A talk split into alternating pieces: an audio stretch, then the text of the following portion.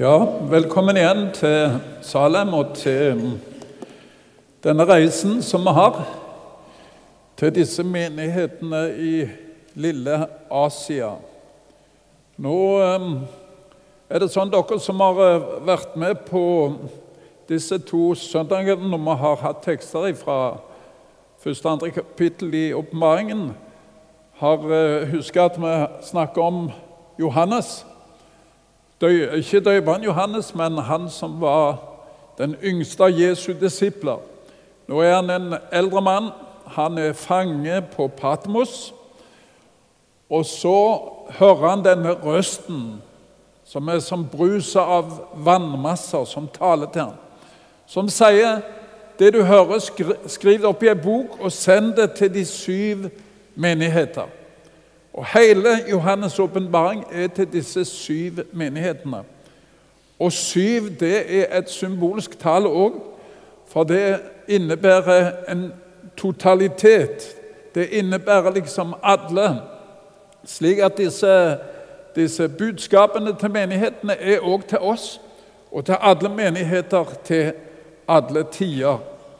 Vi har vært innom eh, Efesus og Smørna og Pergamon. Skulle ønske vi hadde hatt tid å kjøre innom uh, Tyatira her. Det får vi dessverre ikke tid til på denne runden. For i dag skal vi innom uh, Sardes, Philadelphia og Laudikea. Det blir litt sånn som turistene, at du kjører innom en plass og tar bilder i full fart, og så kjører videre. Så vi må nok bruke litt mer tid neste gang. men dette er iallfall en liten smak på hva Jesus sier til disse menighetene og til alle menigheter til alle tider. Skal jeg si litt om Sardes, denne byen som fikk et nokså strengt budskap av Jesus. Det er faktisk ingenting positivt å si. Det var en velstående by, kjent for luksus og det glade liv, kjent for umoral der var tempel for gudinnen Sybele, og hun ble æra med all slags eh, pervers seksual eh, praksis osv. Denne byen var omrittet av klipper eller lå på et høydedrag, slik at den var vanskelig å komme til. Men den ble to ganger inntatt av folk, eh, soldater som kom opp på ei klatre opp fjellsida og det står noe her om hvis ikke du våger, så kommer jeg som en tyv. Det kjente mm, Sardes til fra sin historie, hvordan det gikk når tyven kom, eller de kom uvarsla og inntok byen. Vi går derifra til Philadelphia. Philadelphia det betyr broderkjærlighet. Denne byen ble grunnlagt i 150 år før Kristus av kong Atallus da var, hørte dette til et rike som het Lydia. Og denne Atallus var så glad i bror sin at han grunnla en, en by til ære for bror sin. Og Den kalte han altså for Philadelphia. Broderkjærlighet. Og Både denne menigheten og menigheten i Smørna de var plagte av noen som kalte seg for jøder, men ikke var det, står der. Satans synagoge kalles de for. Så er det denne siste byen, Laudikea, der um, denne var et handelssenter kjent for sin sorte ull og medisinsk forskning. Blant annet så var det en kjent øyensalve som de produserte i Laudikea. Og ned til denne byen så kom det uh, uh, to elver fra Kolosseum Colosseum og ifra, ja, Det var et annet navn som jeg ikke husker. Og Den ene plassen kom der vann fra varmekilder, og andre plassen kom der et kaldt, friskt vann. Men når disse ble blanda og rente gjennom lavlandet, så tok det med seg urenheter. Og når vannet kom til Audikea, så var det forurensa og lunka. Så bruker Jesus disse tingene som menigheten kjenner fra sitt, sine omgivelser, til å taler da til den enkelte av menighetene. Nå vil Kristin Lea komme og lese teksten for oss. Vær så god.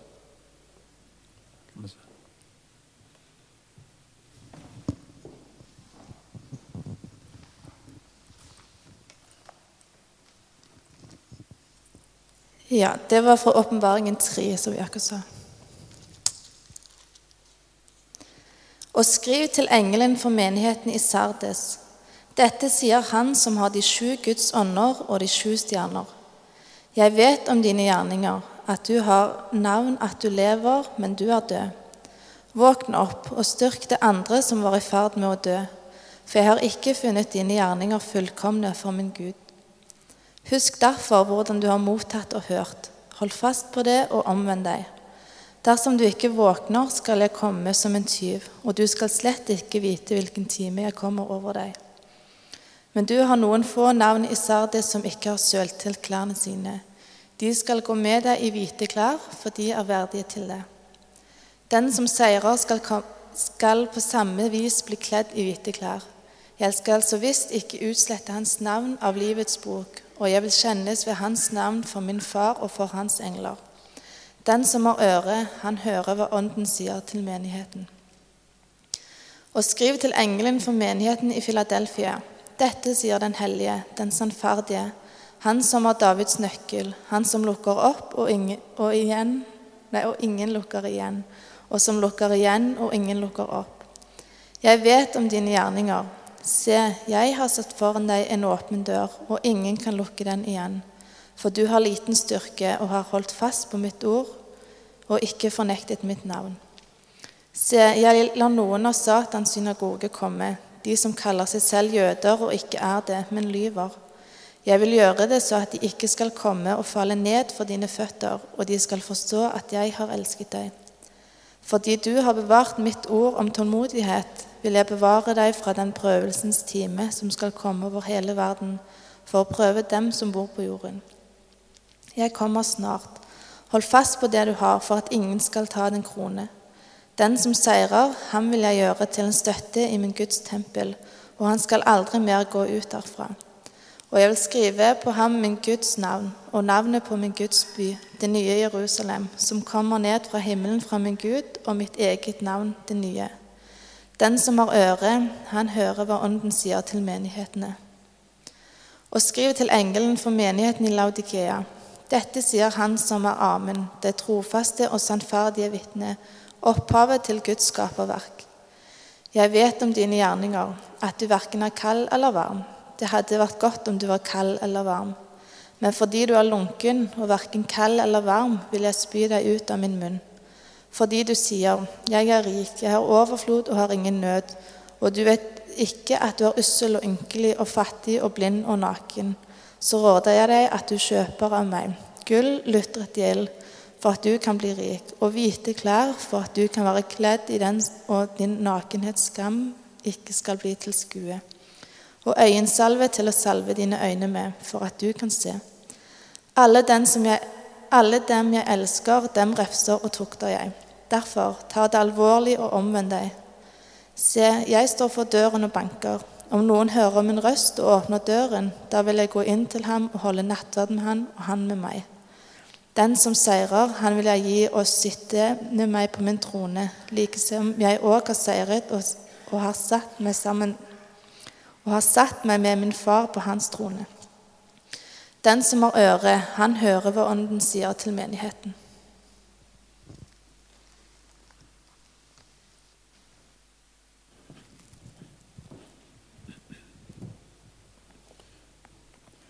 Hjertelig takk skal du ha. Det er Jesus som taler til menighetene, til forsamlingene. Det er Jesus som taler. Denne bok kunne godt vært kalt Jesu Kristi åpenbaring, men den kalles Johannes' åpenbaring. For det var gjennom Johannes Jesus talte, og Jesus ba han sende til de syv menighetene. Og som jeg sa, syvtallet er symbolsk. Det var mange andre menigheter på den tid, men de syv ble valgt. For syv det står som et eksempel på det totale. Det betyr altså det er Guds tall. Vi vet at syvtallet går igjen i både Det gamle og Det nye testamentet. Og allerede her i det første vers så står det dette sier han som har de sju Guds ånder. Og Da spør du kanskje sju ånder. Jeg trodde det var bare én ånd, og det var Den hellige ånd. Ja, men av og til er Den hellige ånd omtalt som sju Guds ånder i en sjugang. For det at Den hellige ånd grovt sett hadde sju forskjellige funksjoner. Så det er ikke her snakk om sju forskjellige ånder, men det er snakk om Guds hellige ånd med sju forskjellige funksjoner. Som eh, Ja. Og når Jesus presenterer seg her til Sardes, så presenterer seg han som har de sju Guds ånder og de sju stjerner. Og Alt dette eh, refereres tilbake til kapittel 1, der Jesus presenterer seg sjøl.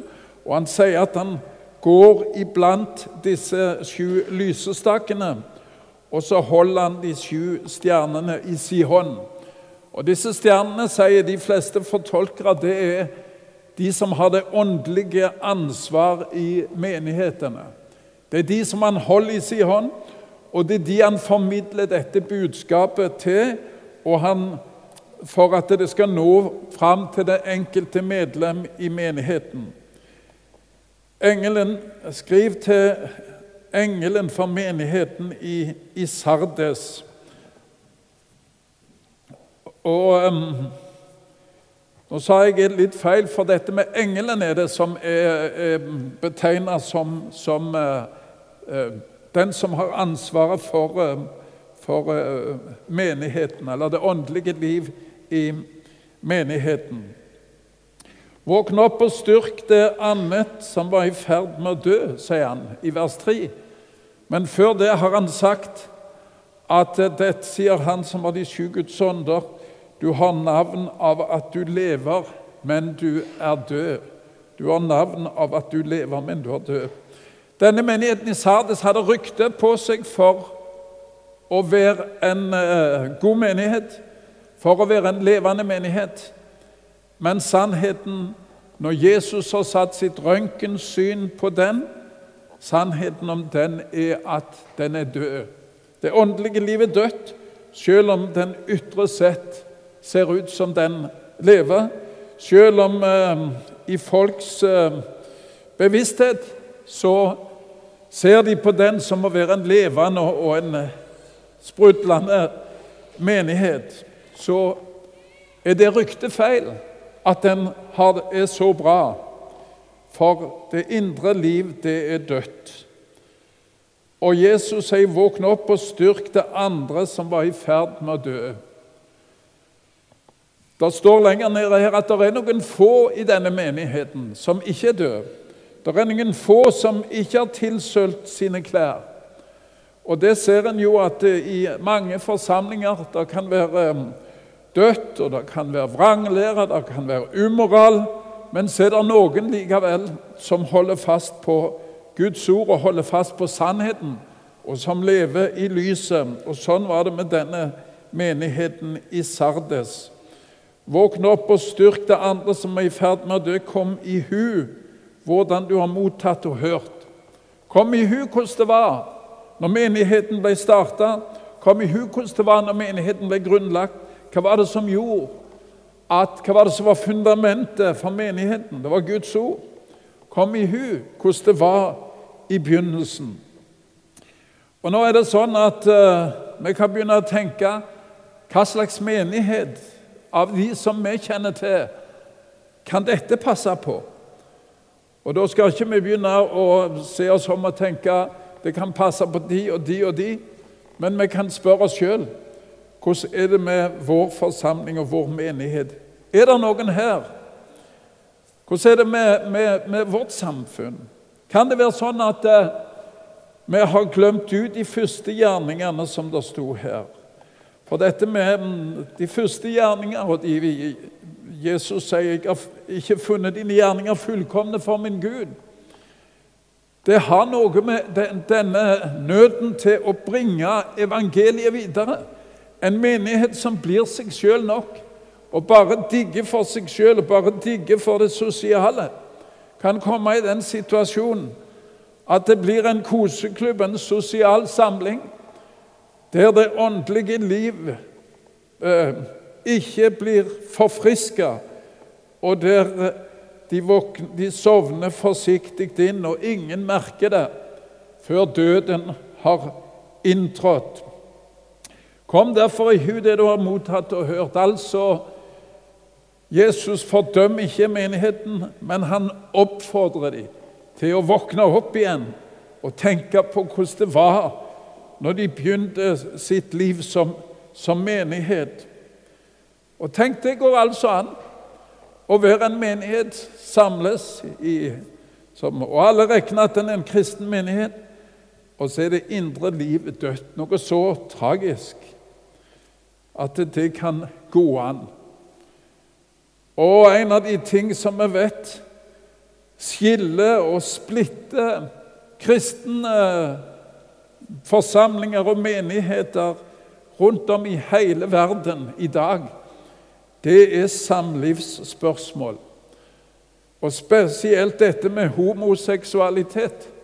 Det splitter kirker og kirkesamfunn over hele verden. Det er liksom bibeltroskapen. Dette er blitt et spørsmål om bibeltroskap. Skal vi ta Guds ord på alvor, eller kan vi begynne å tenke med at Paulus og visste ikke helt hva han snakket om, for han hadde ikke den kunnskap som vi har. Og i Gamle testamentet det er i grunnen utgått på dato. Jeg har en god venn som er biskop i Kenya. Og Han er anglikansk biskop, og i den anglikanske kirke der har de en stor samling for biskoper hvert tiende år i London, eller en plass heter Lambeth utenfor London.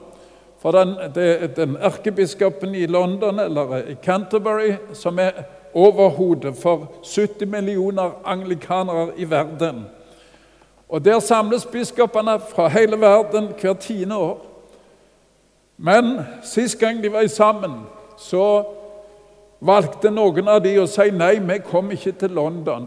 For det, de er altfor åpne i disse spørsmål de er gått bort fra Guds ord, og vi kan ikke være med og gå på kompromiss med Guds ord. Så bl.a. min venn fra um, Kenya og leder av en fra Australia som heter Peter Jensen, de samles i Jerusalem til en alternativ konferanse. For de samme kan ikke gå på kompromiss med Guds ord i disse spørsmål. Og Sånn er det med samlivsspørsmål og inn i våre forsamlinger. Det som var synd før, blir i dag ikke regna som synd, eller det blir i dag regna for akseptabelt. Tenk f.eks. dette med samboerskap og sex utenfor ekteskap. Før så var det klart forkynt at dette er uforenlig med en sann kristenliv.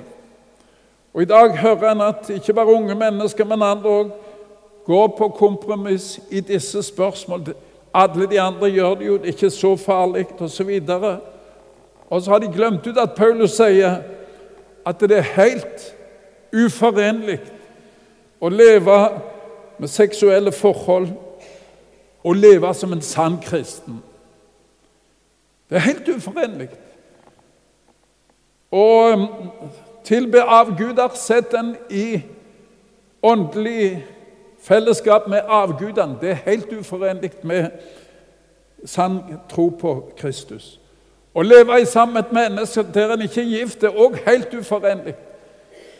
For det, det går ikke an å være ett med Kristus og ett med en skjøge, som det står. Men dere vet hvordan det er i dag. Dette blir akseptert. Og dessverre, som en sier, for det at det forkynnes så lite om det, så er det kanskje mennesker som er alle rene for å være levende kristne som er døde fordi de lever i synd, som ikke blir oppgjort, og de lever i disse synder. Mens Jesus sier Han fordømmer ikke, men han sier 'kom i hu'. Kom tilbake. Ta et oppgjør med de synd. Og så minner han om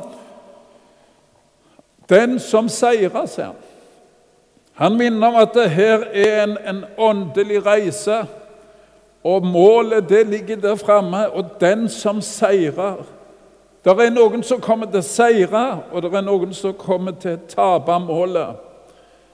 Den som seirer, den som holder seg til meg i sannhet, skal på samme vis bli kledd i hvite klær. Jeg skal så vidt ikke utslette hans navn av livets bok. Den som seirer Jesus har ikledt bryllupskledning til den som tror på han i sannhet. Og jeg vil kjenne ved hans navn for min far og for hans engler. Jeg vil kjenne ved hans navn for min far og for hans engler. Jeg har fortalt minst én gang om en drøm som jeg hadde. Det er inn i dag å forteller om drømmer, og det står til og med at i de siste tider så skal gamle menn ha drømmer, og unge menn skal ha syner. Så jeg tror jeg kan ta med den på nytt igjen. Jeg drømte faktisk at Jesus kom igjen. Jeg så han steg ned og stilte seg på en høyde, og i drømmen så kjente jeg på en angst. Jeg lurer meg på om han kjenner meg igjen. Det var liksom sånn det ble, at det nå gjelder det. Dette er siste sjanse. Nå kom han for å hente sine. Mon han kjenner meg igjen? Og så begynner han å kalle det på, på sine. Og jeg husker at jeg kjente på en angst. Men etter en stund så snur han seg imot der som jeg står, og så, og så nikker han med hodet sånn. Og så forsto jeg ja, han kjenner meg igjen. Og da ble angsten avlyst. En fantastisk glede og lettelse. Tenk, han kjenner meg igjen.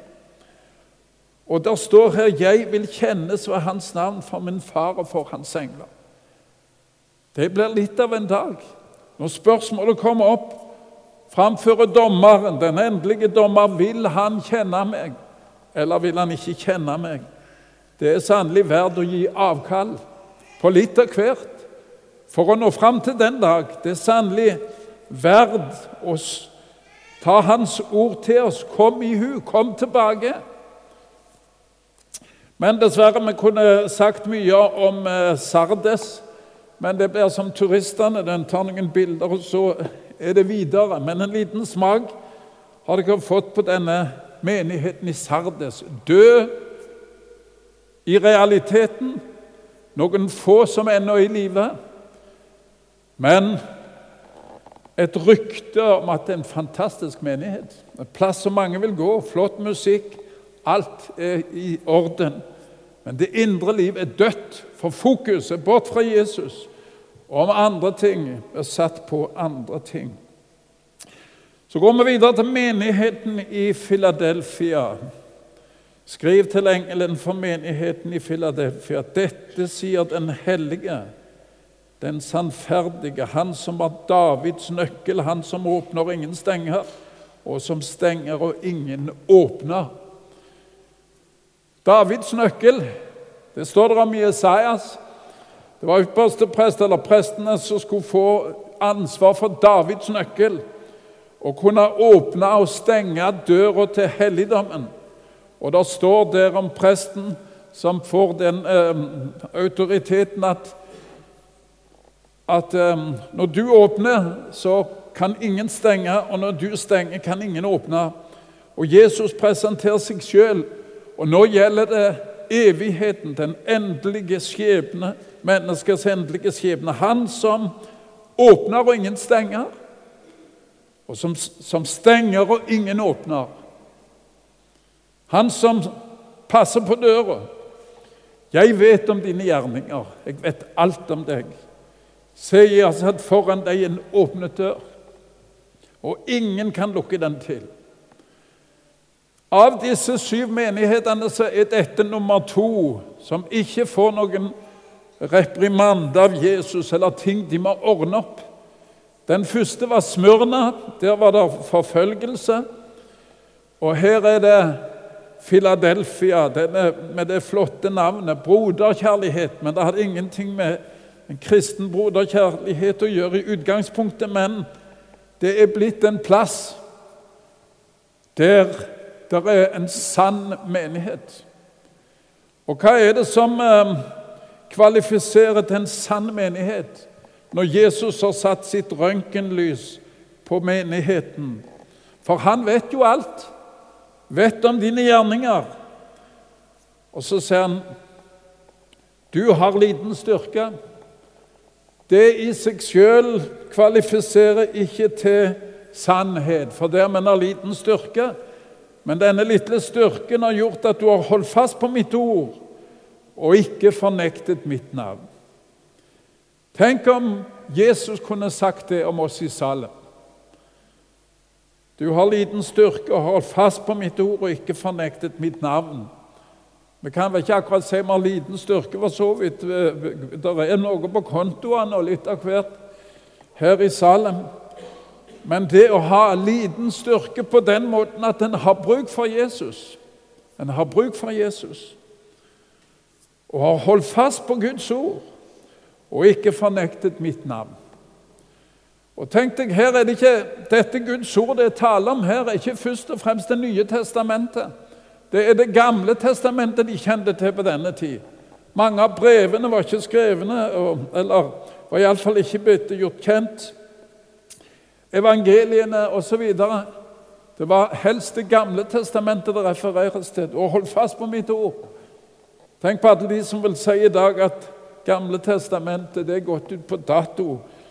Det kan vi ikke lenger bruke, men det blir i Det nye testamentet sagt at det gir visdom til frelse, sier Paulus til Timotius når han skriver til ham. Så det som kvalifiserer Filadelfia-menigheten, de har holdt fast på Jesu navn. Og det har jeg iallfall ønske for oss i Salem. Tenk om det kunne bli sagt om oss. At vi har holdt fast på Guds ord og holdt fast på Jesu navn. Så nevner han også til Filadelfia at det kommer til å komme trengsel fra religiøse mennesker, Satans synagoge osv. Det er ikke noen lett reise selv om du lever i sannheten. Men han skal gå med sitt folk. Og så står det at fordi du har tatt vare på mitt ord om tålmodighet, vil jeg fri deg ut fra den prøvelsens time som skal komme over hele verden, for å prøve dem som bor på jorden. Akkurat dette verset er ofte tatt ut av sin sammenheng og brukt for noe som kalles bortrykkelsen. Her det, bruker de dette verset som om de troende skal rykkes bort fra jord før den store trengsel, før den store trengsel kommer over jorda. Antikrist rike osv. Når det blir skikkelig stor trengsel, så brukes ofte dette verset, men jeg tror det er tatt ut av sin sammenheng og kan, ikke kan brukes på, på den måten.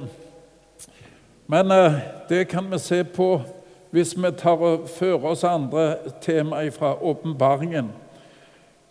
Jeg kommer snart, sier han til Filadelfia. Hold fast på det du har. Og igjen minner han dem om den som seirer. Det er en reise, det er en kamp. Det er fristelser, det er påkjenninger. Og så er det spørsmål hvem er det som seirer? Hvem er det som seirer? Men han har åpna ei dør, frelsens dør. I dag er frelsens dag. Og han har åpna tjenestens dør. Vi har satt foran det en åpnet dør. Og Den kan vi òg få lov å benytte oss av. Hvis det skulle være noen her som ikke har kan si at du kjenner Jesus personlig, og ikke har et personlig forhold til han, du vil ikke kalle deg for personlig kristen, så står døra vid åpen, og Jesus sier jeg har satt foran deg en åpen dør. Men òg tjenestens dør er åpen. Og inspirasjon og, og, og det som en trenger både for uh, frelsens og tjenestens dør, finner en i et nært forhold til til Jesus. Vi skal gå videre. Så kommer vi til menigheten i Laudikea. Og av alle budskap til menighetene så er menigheten i Laudikea noe av det som er trist å lese om. Men Jesus presenterer seg selv med dette, sier han som, har, som er Amen. Han som altså har det siste ord. Det trofaste og sannferdige vitne, opphavet til Guds skaperverk. Tenk, det er han som taler. Opphavet til Guds skaperverk. Og det er han som stiller diagnosen. Jeg vet ikke om noen av dere har lest det bok av han Wilhelmsen, doktor Wilhelmsen, som, som har en sånn en klinikk i Bergen for sånne som har um, Hypokonderklinikk i Bergen. Skriver i en bok som heter 'Kongen befaler', at det var en mann som kom. Og Hver gang de kom til hypokonderklinikken, så spør han hva er din spesialitet Og Spesialiteten til denne mannen det var det at han trodde han hadde kreft i halsen. Og Han hadde vært hos 25 leger og tatt alle de, eh, de prøvene som kunne, og ingen hadde funnet noe. Men allikevel så kom han ikke vekk fra kanskje ikke har kreft i halsen. Så spør han da denne uh, han med hypokonderklinikken er det en mulighet for at 25 leger kan ta feil. Så sier han ja, kanskje det er, men den er ganske liten. Og Jeg tenkte på det når jeg leste denne diagnosen til disse menighetene her. Her er en som ikke tar feil. Diagnosen her kan vi være helt sikre på. Og han sier det rett ut. Han sier sannheten på grunn av at han vil at hans folk, at menigheten, at de som går inn og ut, og alle andre, skal bli rede for det som skal komme. Både det som kan komme her i livet, her i politikken og i det å leve i denne verden, men òg et møte med Gud, Fader sjøl, på dommens dag. Skriv til engelen for menigheten i Laudikea. Jeg vet om dine gjerninger. Du verken er kald eller varm. Det hadde vært godt om du var kald eller varm. Før så tenkte iallfall jeg at det, dette betyr at det hadde vært godt om en var en varm kristen, eller hadde, hvis en ikke er det, så var det bedre at en hadde avklart at en var liksom ikke kristen, at en ikke var liksom der innimellom. Men når en leser om denne byen, som jeg sa, så kom det to elver ned imot byen. Den ene var kaldt, friskt vann, og det andre kom fra varme kilder. Så det er vel det det betyr her. Jeg skulle ønske du, du var som det kalde, friske vann som bringer helse og legebod og stiller tørsten. Eller om du var varm, sånn som det vannet som kommer fra den, de varme kildene. Varmt vann som kan brukes til medisinsk forskning osv. Det som det ble brukt til i Laudikea. Istedenfor så kom elvene sammen, ble blanda det kalde og varme vann. Og så rant det langs eh, dalen, og så tok det med seg forurensning og urenheter. Så kom det til Laudikea, så var det lunka og forgifta. Og så sier Jesus, fordi du er lunken og verken kald eller varm, vil jeg spy deg ut av min munn. Og denne lunkenheten gikk ut på at en stilte en helt feil diagnose om seg sjøl. Du sier 'jeg er rik, jeg har overflod, har ingen nød'. Altså, jeg er veldig tilfreds med meg sjøl.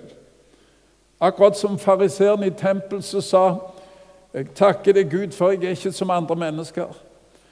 Jeg eh, gir tiende, og jeg bidrar på mange måter i det, det gode, den gode tjeneste. Så jeg slett ikke sånn som den tolleren. Og Denne menigheten er så fornøyd med seg sjøl.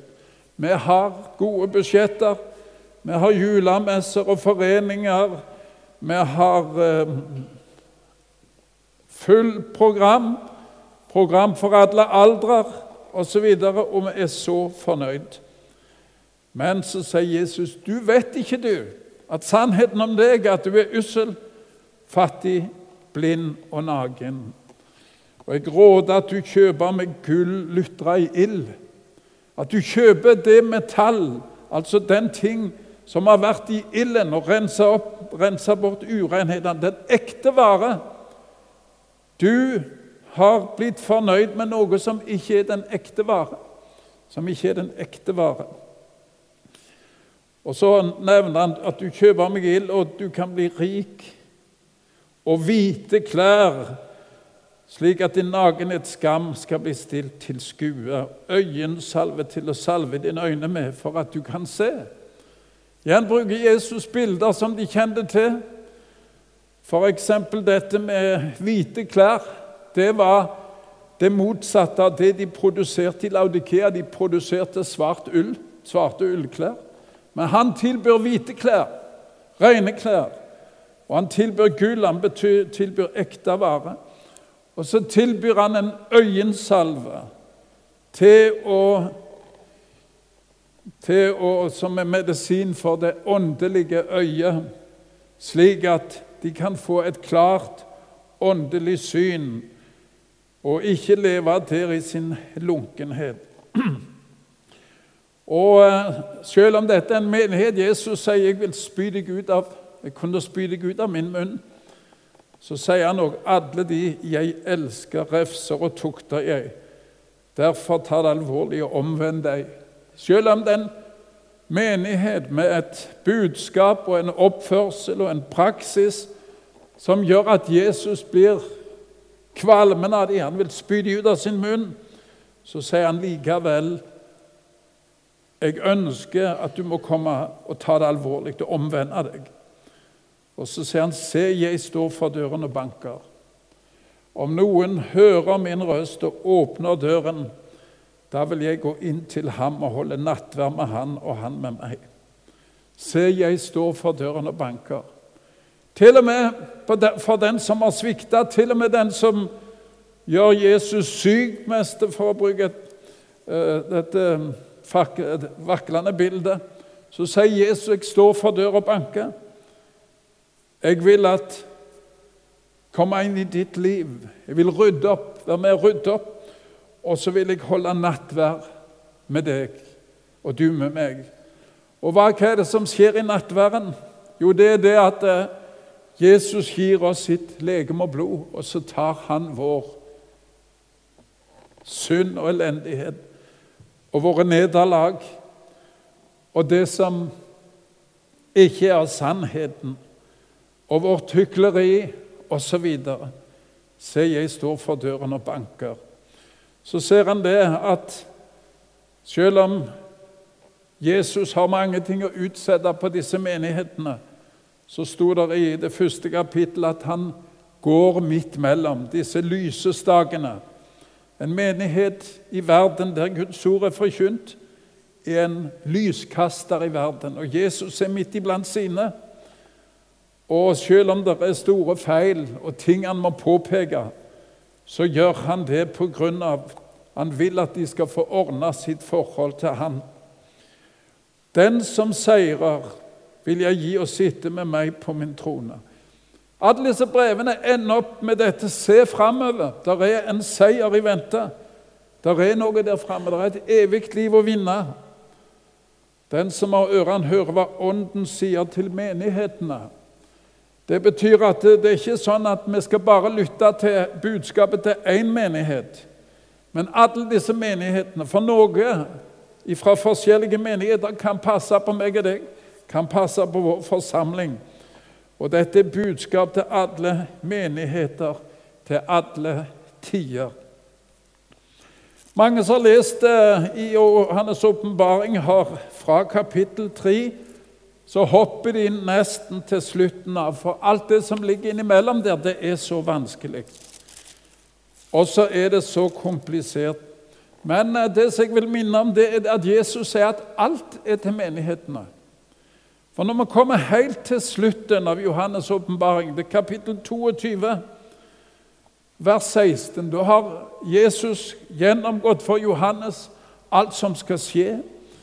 Han eh, har gjennomgått eh, dommedag. Han har gjennomgått den endelige dom, antikrist, den store trengsel. Og Guds hellige stad, det målet for alle kristne. Og så sier han i 22 vers 16.: Jeg, Jesus, har sendt min engel for å vitne dette for dere i menighetene. Jeg er Davids rotskudd og ett, den klare morgenstjerne. Altså, alt dette er viktig for menighetene. Og I kapittel 1 står det i vers 3.: Salig er den som hører dette ordet og tar det til seg, for tida er kort. Så derfor vil jeg gjenta det jeg sa den første eh, dagen vi hadde om dette. Det er en menighet som mangler dette perspektiv. At det går imot endens tid. Jesus kom igjen, og at vi må være rede. Den menighet får og er utsatt for disse mangelsykdommene. Selvtilfredshet, glemme sin første kjærlighet osv. Men Jesus gir ikke opp sin forsamling. Han vil at vi skal våkne opp og være, ha dette perspektiv over vårt liv og tjeneste. Og så sier han da helt mot slutten Ånden og bruden sier 'kom'. Den som hører det, la ham si 'kom'. Og den som tørster, han får komme. Den som vil, får ta livets vann uforskyldt. Det er den som har fått avslørt, blitt avslørt i Guds lys. Så sier han medisinen det er å komme til meg. Kom til meg. Kom akkurat sånn som du er.